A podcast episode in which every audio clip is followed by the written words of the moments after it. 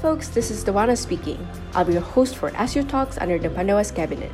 We'll be mainly talking about the current issues among the youths. Grab your drinks and enjoy the talks.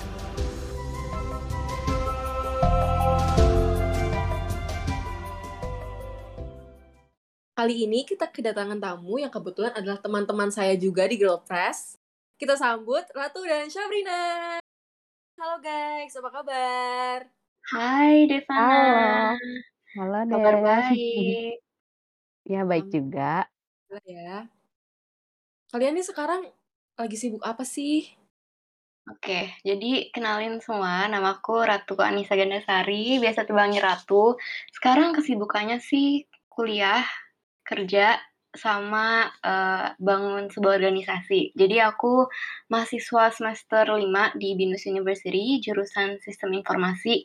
Mungkin uh, jurusan yang jarang ceweknya kali ya, sama kayak computer science juga. Terus aku kerja full time di Ternak Uang, itu uh, tech dalam bidang uh, literasi finansial dan juga lagi bangun organisasi perempuan namanya Girl Press.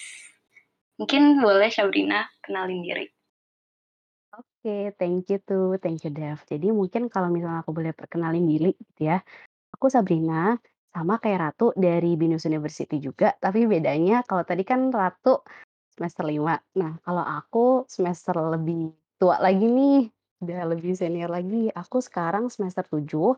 Jadi kesibukannya itu mainly lagi garap skripsi, sama kebetulan sekarang itu lagi magang di salah satu digital bank juga. Jadi itu kesibukannya dan lagi bangun organisasi juga, Girl Press bareng Ratu dan host kita nih Devana. Yes. Itu dari aku. Uncis, oh my god, aku sampai speechless. Para pendengar pasti bingung kan, gimana cara mereka manage waktu untuk sekolah dan kerja. Jadi stay tune ya. Oke oke, nggak usah basa-basi, yuk kita mulai ngobrol-ngobrolnya. Aku mau tanya dong, bukan aku sih. Mungkin boleh kamu jelasin apa itu organisasi Girl Press untuk pendengar kita yang belum familiar dengan program tersebut? Oke, mungkin aku bantu jawab ya. Jadi, uh, Girl Press itu sebuah wadah ya yang bertujuan untuk memberdayakan perempuan dan mencetak lebih banyak pemimpin perempuan melalui program, konten, dan komunitas kami, gitu. Mungkin ada tambahan dari Sabrina?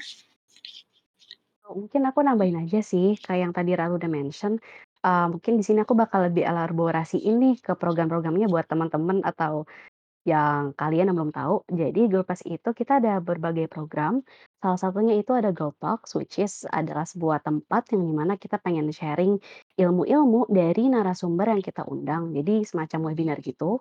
Kemudian kita juga ada yang namanya Girl Level Up, jadi itu semacam workshop yang di mana tempatnya adalah kita mau untuk para komunitas kita atau yang biasa kita sebut itu sebagai our presidents, supaya mereka itu bisa belajar skill baru nih bareng sama teman-temannya.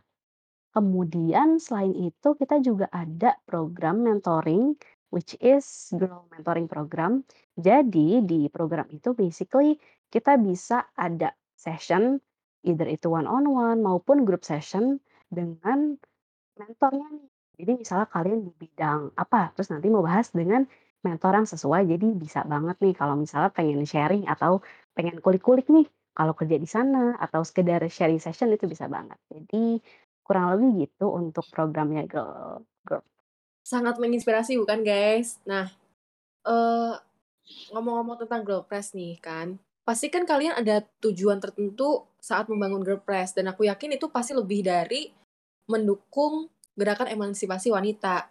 Nah, boleh diperjelas lagi nggak sih apa tujuan kalian dalam membangun organisasi Girl Press?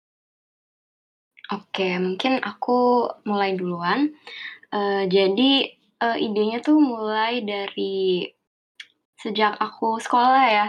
Uh, pas SD aku tuh udah sempet uh, aktif ikut organisasi, ada PMR, Pramuka, Dokter Kecil, Klub Seni Tari, dan lain-lain. Itu uh, sampai kayak SMP, SMA juga ada ikut beberapa organisasi. Terus uh, dari yang aku amati, kebanyakan top level manajemennya tuh cowok-cowok. Terus um, lihat di negara kita sendiri Indonesia ya, uh, kayak pemimpinnya, maksudnya kayak presiden dan menteri-menteri gitu kebanyakan laki-laki. Nah, dari situ tuh timbul keinginan, uh, aku pengen nih lebih banyak lihat pemimpin perempuan. Terus, um, ini dari mamaku juga, uh, dari kecil tuh selalu encourage, um, meskipun cewek, "Ayo berani jadi ketua kelas," terus kayak jawab pertanyaan di kelas dan lain-lain. She's a feminist without knowing the word feminist gitu. Jadi dia uh, yang um, menginspirasi aku tentang gender equality kayak gitu. Terus uh, ya karena uh, passionku uh, dalam bidang women empowerment, gender equality, terus pengen lebih banyak uh, lihat pemimpin perempuan. Jadi uh, bikin deh ini uh, Girl Press. Idenya udah ada dari 2018. Zamannya uh, Girl Boss, terus Boss Babe itu kayak ada ya seriesnya di Netflix, terus juga um, kayak di Pinterest dan Instagram itu banyak banget quotes dan kontennya. Uh, tapi karena satu dan lain hal waktu itu tuh uh, aku deactivate. Uh, padahal udah sempet dinotis sama foundernya Puyo, uh, Kak Eugene Patricia.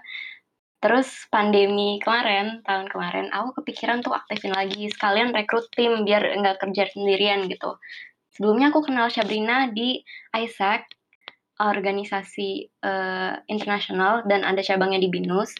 She's a very inspiring person.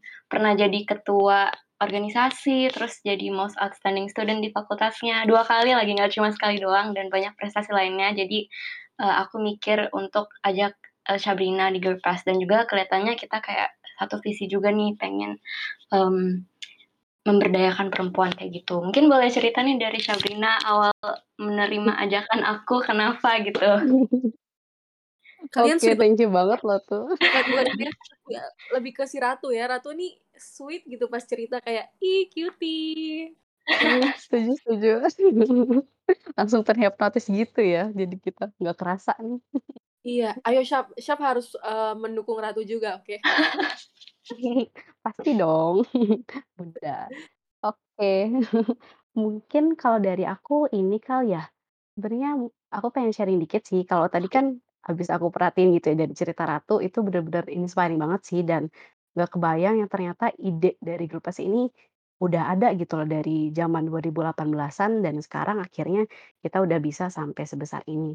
Jadi sebenarnya Tadi kan Ratu juga sempat mention ya, kalau dari dulu Ratu tuh udah suka yang namanya leadership, women empowerment, dan lain sebagainya.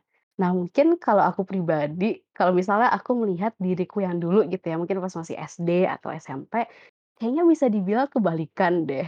Karena jujur dulu itu kalau misalnya aku bisa kilas balik ya, aku tuh dulu tipikal yang bener-bener pemalu banget. Jadi kalian bayangin misalnya nih, Saking malunya itu, kalau misalnya pengen ke toilet aja bilang pas masih SD ya, bilang ke guru itu tuh aku malu. Jadi kalian bayangin kan aku yang dulu Iya, sama yang sekarang iya, jadi segitunya deh saking malunya. Nah, ternyata by time pas SMA mulai nih slowly building up myself yang taking responsibilities dan juga gimana ya, bisa untuk keep myself supaya bisa lebih improve asal nggak apa-apa deh small steps tapi bisa loh improve nggak jadi malu-malu tapi slowly bisa jadi presiden juga waktu itu di kelas pas aku SMA akhirnya. Nah kemudian kalau misalnya ngomongin dari segi grup nya nih sebenarnya dari tahun lalu, Ratu waktu itu sempat ajakin aku juga. Jadi pas yang kayak Ratu mention, awal-awal pas Ratu pengen bikin Gopes itu aku diajak sama Ratu. Waktu itu dapat line tuh dari Ratu.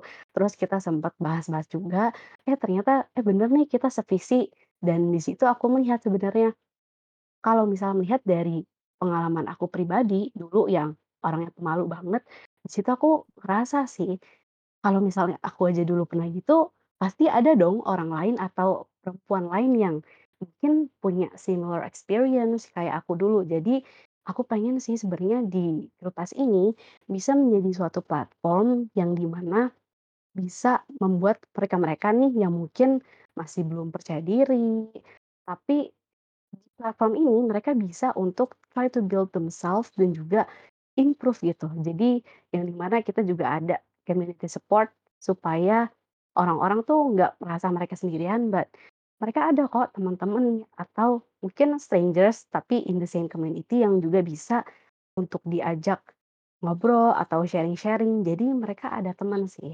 Kurang lebih kalau dari aku gitu. Hmm, ih lucu juga ya jawabannya. Jadi yang aku tangkap dari sini adalah the goal is to provide a safe place for girls to go beyond their limit. Bener nggak guys? Yes. Betul. Tuh. Hmm, Jangan oke. lupa ya guys ikut community-nya. Ya guys, Promosi dikit. nanti kita akan eh namanya di akhir uh, podcast ini ya. Kayak kita punya Oke. komunitas di, di Discord guys. Yes. Uh, by the way, dengan nama Girl Press yang ada girl-nya, apakah laki-laki atau gender lain selain perempuan boleh ikut bergabung di komunitas Girl Press? Oke, sebenarnya uh, Girl Press ini ditujukan untuk perempuan ya, tapi uh, ya karena perempuan juga yang paling bisa relate dengan pembahasan kita.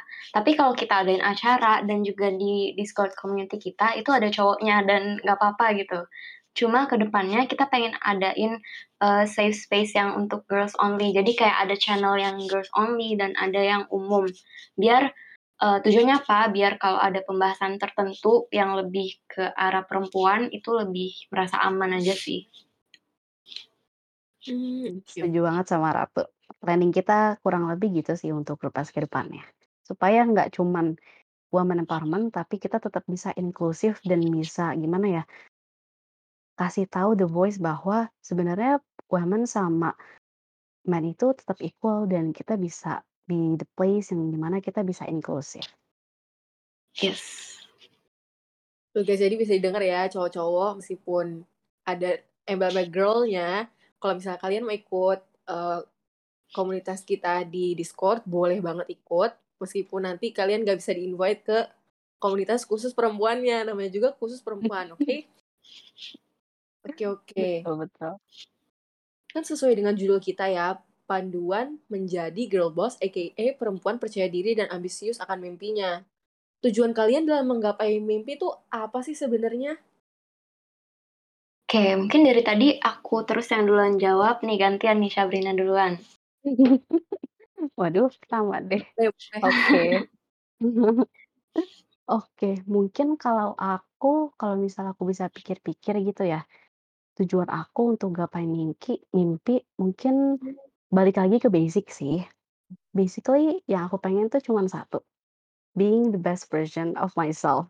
Nah, mungkin menurut kalian simpel, tapi bagiku kayak yang tadi aku udah cerita di awal-awal bahwa dulu aku yang 10 tahun sebelumnya tuh malu banget, terus juga bener-bener takut to do things for myself dan sekarang aku bisa ada di sini dengan apa yang udah bisa aku coba raih dengan tim-tim aku.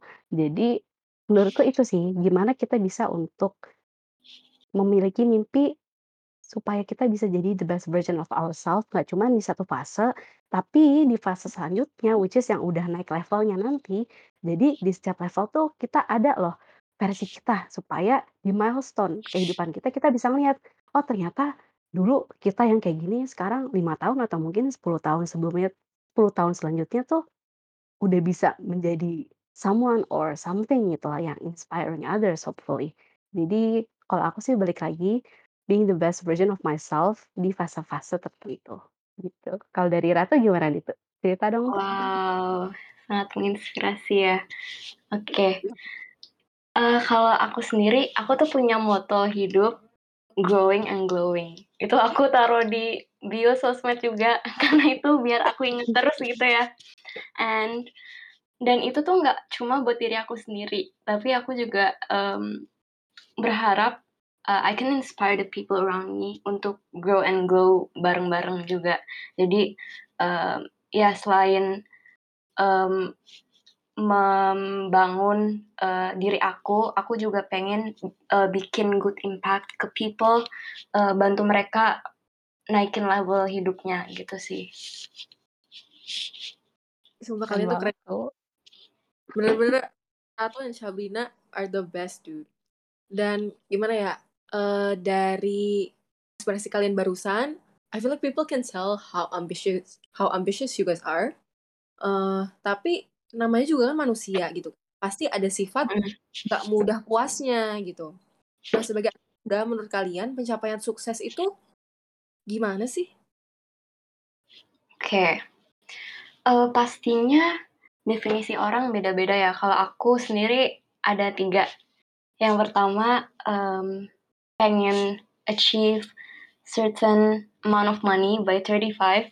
Jadi bisa pensiun dini. Tapi pensiun dini di sini bukan berarti nggak kerja, tapi lebih ke arah freedomnya bisa lakuin hal-hal yang aku mau tanpa harus musingin kerja tapi aku tetap bakal kerja juga entah nanti ya who knows siapa tahu jadi content creator atau kayak gimana gitu kan jadi amin, maksudnya amin.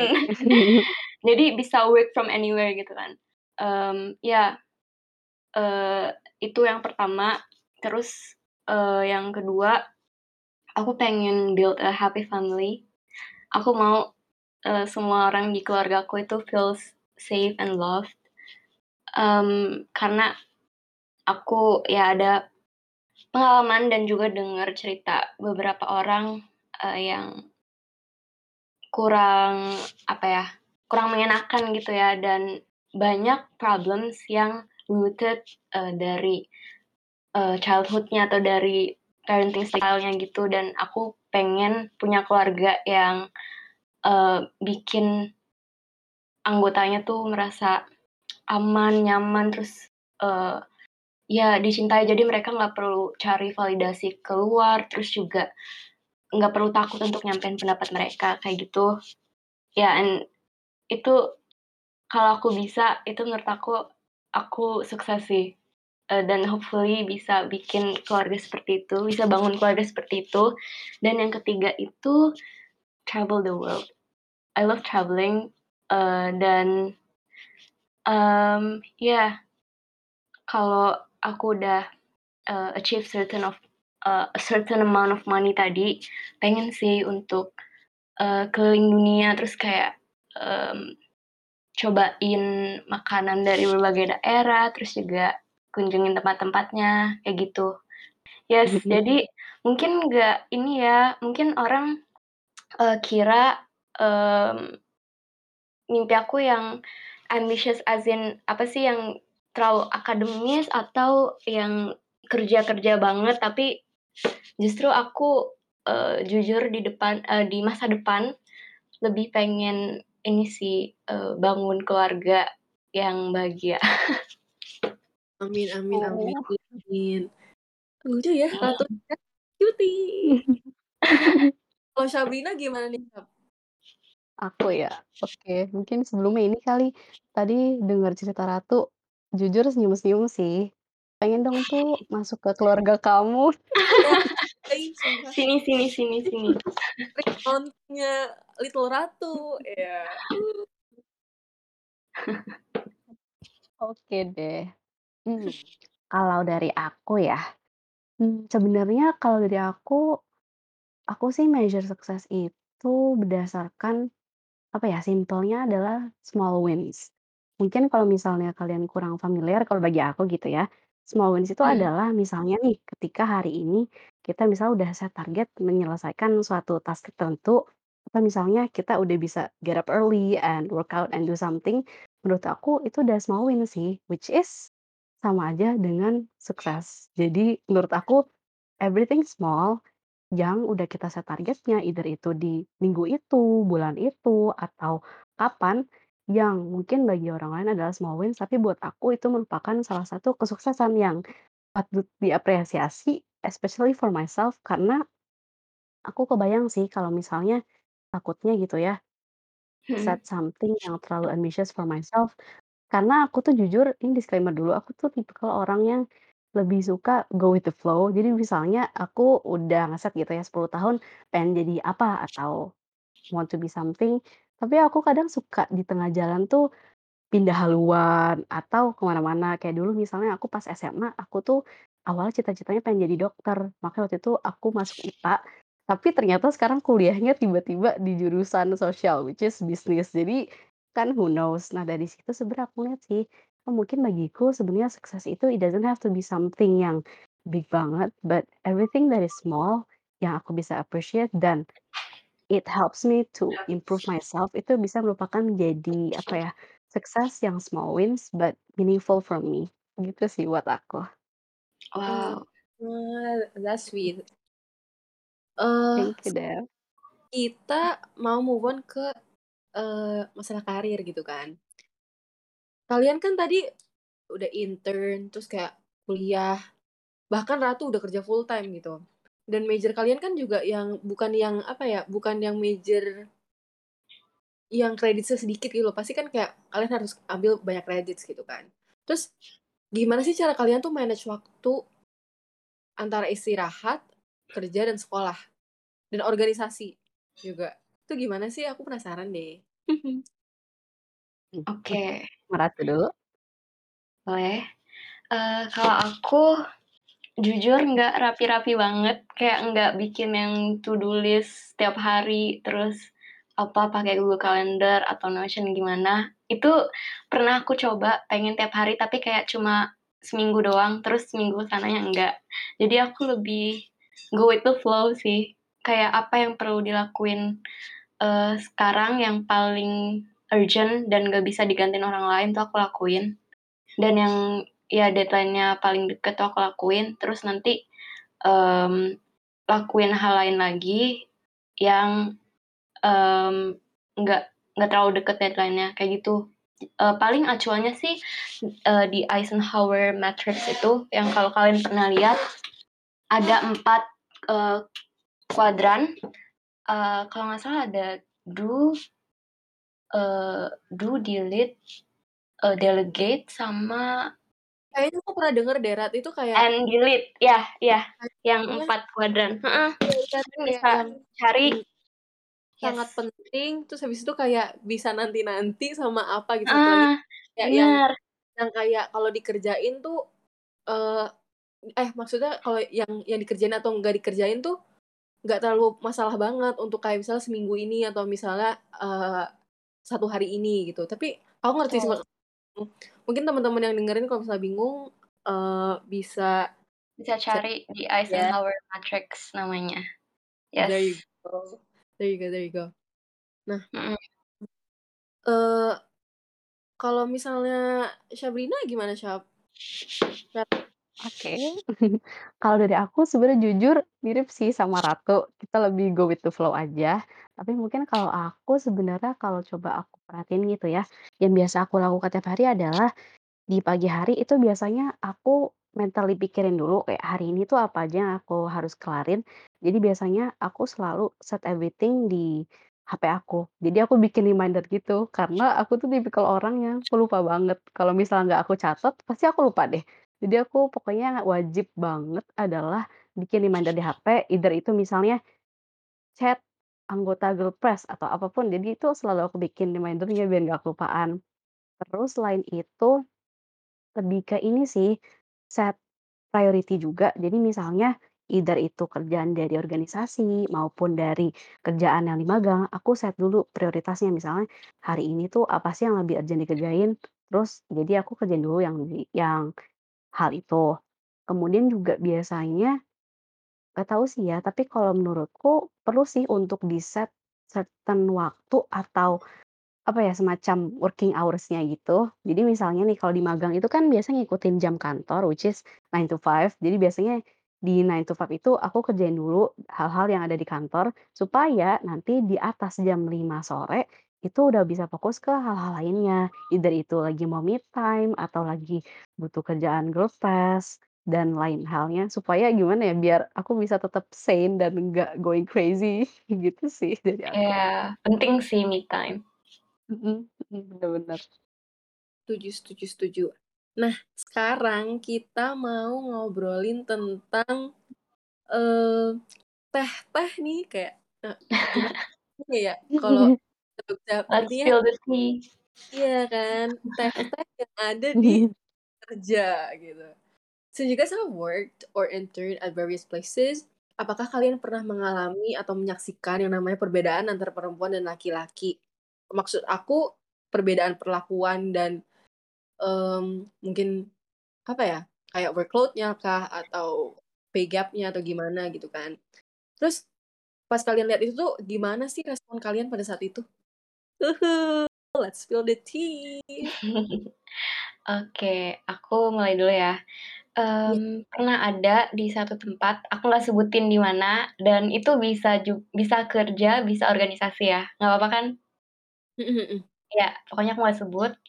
Terus, um, jadi ada, mmm, let's say temen cewek dan cowok gitu. Um, generally, eee, laki-laki kan suaranya kayak lebih tegas, lebih berat gitu ya, lebih tegas dan juga terkesan lebih dominan. Mmm, terus yang si perempuan tuh lebih lebih lembut gitulah. Jadi, mmm pendapat yang laki-laki itu karena terkesan lebih dominan tuh jadi lebih didengar. Padahal yang perempuan juga nggak kalah kompeten, gitu. Jadi untuk yang denger ini ya, perempuan-perempuan yang denger ini, jangan takut kalau ada yang terkesan dominan dan jangan bikin suara kalian, eee, quote unquote lemah, tunjukin bahwa kalian kompeten dan layak untuk didengar juga, gitu sih. Dan, eee, kalau aku nyikapinnya, eee, aku coba untuk jadi as objective as I can sih kalau emang yang perempuannya itu, eee, lebih apa ya, pendapatnya lebih make sense gitu, ya aku bakal mmm, coba untuk bantu dia juga gitu. Kalau Syabrina gimana? Oke, menarik deh tuh ceritanya. Sebenarnya kalau aku pribadi agak kurang relevan sih untuk jawab pertanyaan ini karena even though aku udah pernah organisasi maupun sekarang lagi magang, sejujurnya aku belum pernah sih menyaksikan atau mengalami langsung yang ada diskriminasi gitu ya, either itu untuk perempuan atau laki-laki. Walaupun notabene-nya magang aku sekarang tuh rata-rata kan cowok karena di bidangnya kan teknologi. Jadi sebenarnya Aku belum ada tea yang di-spill sih, guys. Cuman mungkin kalau misalnya bisa, eee, berpendapat gitu ya di cerita Ratu tadi, aku setuju banget sih sama Ratu, kalau misalnya jadi perempuan yang mungkin emang dari sananya suara kita jauh gitu ya sama suaranya laki-laki, in terms of seberapa loud atau mungkin bisa dikira kurang terlihat dominan. Aku juga agree sama Ratu, bahwa kita harus bisa untuk apa ya di si posisi itu tuh mencoba untuk menjadi objektif supaya kita sifatnya apa ya, netral dan nggak bias ke suatu condong atau ke suatu hal aja gitu just because yang di sana emang terdengar lebih dominan dan terlihat lebih meyakinkan. Jadi itu sih paling dari aku. Intinya sih aku emang setuju juga ya sama kalian kayak at certain conditions kita memang harus objektif gitu biar ketemu jalan tengahnya. Nah, moving on lagi, aku mau nanya nih kayak how would you guys imagine yourself in the next 10 years? Mungkin boleh dimulai dari Sabrina dulu karena dari tadi Ratu sudah mulai duluan ya kan? Mhm. Boleh, boleh banget. Yuk, yuk. Oke, 10 tahun lagi ya? Oke, berarti udah di 30s. Oke, udah jadi ibu-ibu lah ya ya anggapannya atau mama. Jadi Oke, kalau dewasa. di umur segitu jadi Karena kan kalau dewasa. itu kan kayak terserah kalian kan mau umur berapa. Jadi kayak mau umur Mhm. 40 kan juga kayak terserah. Yang penting kan umur 30 tuh intinya dewasa gitu lah. Nah, Dewasa, Mmm, umur oke, segitu bener bener bener. how would you imagine yourself at that age? Mmm, oke, menarik sih. Kalau aku mungkin kalau misalnya bisa dibilang gitu ya, ada 2 hal sih. Pertama, aku ngebayangin diriku 10 tahun lagi tuh udah bisa jadi versi boss babe bagi buat buat diriku sendiri gitu. Either mungkin jadi seorang entrepreneur atau mungkin tetap di jalur budak korporat sebagai part of the team di sana, tapi misalnya di upper management gitu ya. Kemudian yang kedua adalah juga untuk build my own little family gitu, keluarga kecil. Jadi 2 hal itu sih buat aku in in the future, sepertinya kalau nggak berubah.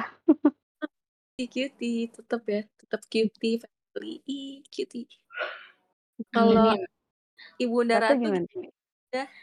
Oke, aku ya in the next 10 years, bayangan aku lagi sama keluargaku. Mmm, iya, terus, eee, aku sih lebih tadi kan kalau Sabrina masih bisa ada 2 jalur gitu ya, antara masih di korporasi atau, eee, punya usaha sendiri. kalau aku sih pengennya, uh, punya usaha sendiri jadi serial entrepreneur gitu. Aku pengen banget punya restoran dan, uh, clothing line atau, uh, beauty atau skincare line kayak gitu. Jadi pengen bisnisnya ada misalnya dua gitu lah ya. Terus, um, aku pengen, um, bisa travel sambil travel juga sambil kerja, jadi work from anywhere, WFA. Aku tuh orangnya lebih suka, nggak terlalu dijadwalin gitu sih. Jadi aku bisa bebas milih jam untuk aku. Oke oke, amin amin semoga kalian bisa mencapai mimpi kalian masing-masing di 10 tahun nanti ya. Amin amin amin. Atau bahkan mungkin sebelum 10 tahun udah kesampaian Amin. Amin. Oh ya satu lagi. Apa tuh? Tadi itu kan cuma buat diriku sendiri gitu lah ya. Uh, aku juga pengen apa ya mungkin um, nanti kan lebih dewasa, lebih banyak lagi knowledge-nya, pengen jadi mentor buat beberapa orang gitu sih. Uh, biar ya sesuai sama moto aku tadi, growing and glowing, pengen bantu uh, level up hidup beberapa orang dengan jadi mentornya mungkin kayak gitu. Amin amin amin amin amin. Amin. Oke oke. Nah sekarang nih kita sampai ke penghujung acara gitu kan. Ya sedih.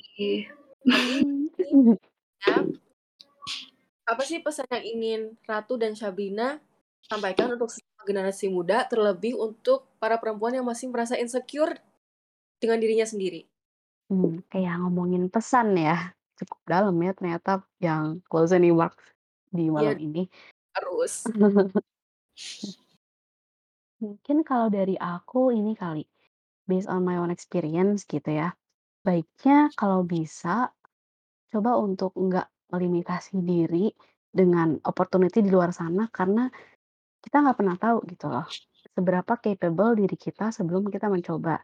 Tapi, perlu di-note down juga atau di-highlight gitu ya, kita harus measure juga seberapa capable atau bandwidth kita untuk mengerjakan the things that we want to do itu seberapa sih. Jadi basically itu sih, tetap explore apa opportunity di luar sana, tapi back again, kenalin dulu diri kamu itu udah apa ya, bandwidth-nya cukup nggak supaya nggak ujung-ujungnya nanti jadi Burn out gitu ya? breakdown atau heeh, iya betul banget tuh.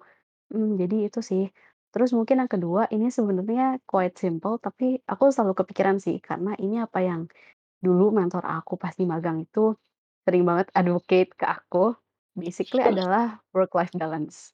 Mungkin bagi teman-teman di sana gitu yang sekarang masih kuliah, tapi belum kuliah sambil magang atau mungkin kayak Ratu nih, sambil full time bahkan di sana.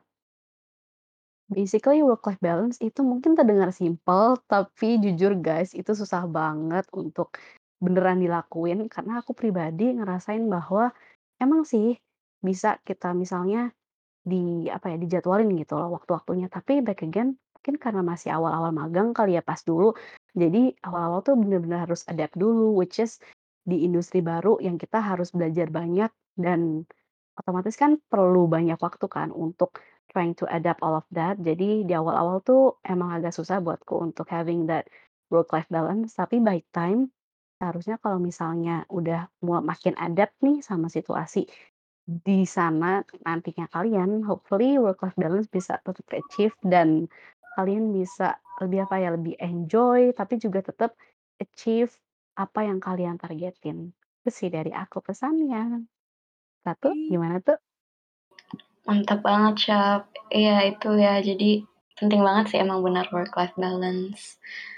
Uh, jangan lupa sama your own sanity, guys. Oke.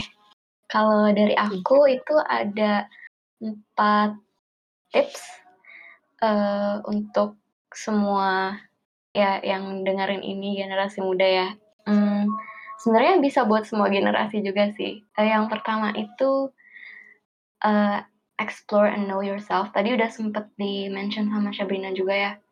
Cari tahu apa yang kamu suka, yang kamu nggak suka, dan gimana bayangan kehidupan ideal kamu. Ini penting banget karena di era penuh informasi ini, kita suka ke-distract, eee, ngelihat orang lain lakuin ini, entar kita ikutin ikutan juga, atau, eee, kayak orang yang lebih muda udah achieve sesuatu terus nanti jadi uh, minder langsung banding-banding diri kayak gitu. Uh, ya padahal fokus ngebangun kehidupan kalian sendiri yang beneran kehidupan yang kalian impiin itu uh, lebih penting. Kan bisa aja mimpi kalian sama mimpi orang lain tuh beda kan. Terus ini juga berhubungan sama tip kedua yaitu uh, work toward towards your goals. Um, tadi kan udah tuh kalian udah dapet gambaran gimana uh, your dream life looks like. Nah, coba take small actions every day buat wujudin kehidupan yang kamu mau. Ada ilmu namanya compounding. Mungkin di saham gitu ya. Ini ya kerja di finance ya. Jadi uh, saham mungkin di saham pernah dengar compound interest. Uh, ya bunga berbunga atau bunga bergulung gitu ya lah ya nggak cuma bunga doang yang bisa compounding atau bergulung, tapi yang kalian lakuin dan pelajari tiap hari itu bisa bergulung juga. Mungkin ada yang pernah baca buku kayak Atomic Habits itu uh, one small step every day matters. Contohnya di sini siapa tahu pendengar di sini ada yang uh, udah workout atau ya udah pergi ke gym mungkin beberapa tahun gitu. Pas awal-awal mungkin uh, kalian ya udah ke gym aja tiap hari atau seminggu lima kali atau berapa kali dan nggak kelihatan resultsnya immediately. Tapi dengan konsistensi terus uh, apa ya kayak uh, keinginan kalian yang kuat within time bakal notice uh, the difference between badan kalian yang dulu dan yang udah ke gym uh, seberapa uh, seberapa lama gitu dan nggak cuma uh, soal working out it also applies to other things in your life. Misalnya uh, satu hari baca satu lembar buku kayak gimana kan nanti itu uh, berapa bulan udah berapa lembar dan knowledge kalian bakal bergulung gitu kan compounding. Terus um, ini berhubungan sama yang ketiga. Yang ketiga itu become a lifelong learner ini kenapa penting? Karena uh, change is the only constant. Di dunia ini, uh, mungkin tiap beberapa waktu ada teknologi baru, aplikasi baru, bisnis baru, tren baru. Kalau nggak adapt ya jadi dinosaurus itu punah. Uh, nggak masalah seberapa tua kalian, harus tetap belajar dan adaptasi sih. Kayak mungkin yang sekarang lagi trending itu ada metaverse, NFT, terus apa kripto gitu-gitu. Meskipun itu bukan bidang kalian tapi nggak ada salahnya untuk mempelajari sih. Siapa tahu ya dalam beberapa tahun ke depan beneran kita lebih banyak spend time di metaverse misalnya gitu ya pakai VR nanti kalau kalian nggak belajar dari sekarang ketinggalan gitu sama yang udah start early baca-baca. Um, terus ini apa ya contohnya juga apa ya kalau sekarang TikTok gitu uh, ya nggak sekali lagi nggak masalah seberapa tua kalian, harus tetap belajar. Contohnya ada kan kayak kakek-kakek atau nenek-nenek yang trending gitu di TikTok. Mungkin itu juga dibantu sama cucu atau anaknya, tapi, uh, ya keren sih mereka ada kemauan untuk bikin video kayak gitu, uh, dan itu bisa benefit, uh, mereka juga. Jadi dapat profit dari endorse dan lain-lain. Jadi hari tuanya nggak cuma duduk doang gitu. Uh, dan yang terakhir nggak kalah penting, tip keempat itu uh, love and cherish the people around you. Karena uh, kita nggak tahu kapan uh, waktu terakhir orang di dunia ini. Jadi ya don't take anyone for granted dan selalu ingetin tiap hari. Ya atau nggak tiap hari juga nggak apa-apa ya. Tiap waktu gitu kamu bersyukur pas teman kamu atau ya saudara siapa pun itu yang matters to you itu penting banget sih karena itu bisa benar-benar um, ubah kehidupan mereka mungkin yang tadinya lagi down terus jadi semangat lagi atau yang tadinya mikirin pikiran tertentu um, jadi semangat hidup lagi kayak gitu sih dari aku. Hmm, kalian ini emang bener-bener sangat inspiring ya. Oh, so the key is to always persist and persevere, and also don't wait on one closed door to open, because there will there will be more opportunities around you. Gitu. Alright. That just marks the end of our discussion today. Once again, thank you so much, Ratu and Sabrina, for coming to our discussion. I'm Dewana, as the host and project leader of SU Talks under the Pandavas cabinet, and I'd like to apologize for any inappropriate words that I've said. That, that is all from us. Thank you, and see you next time. Bye. Thank Stay you. Jangan Thank lupa follow you. Girl Press di Instagram. Catat, catat, catat.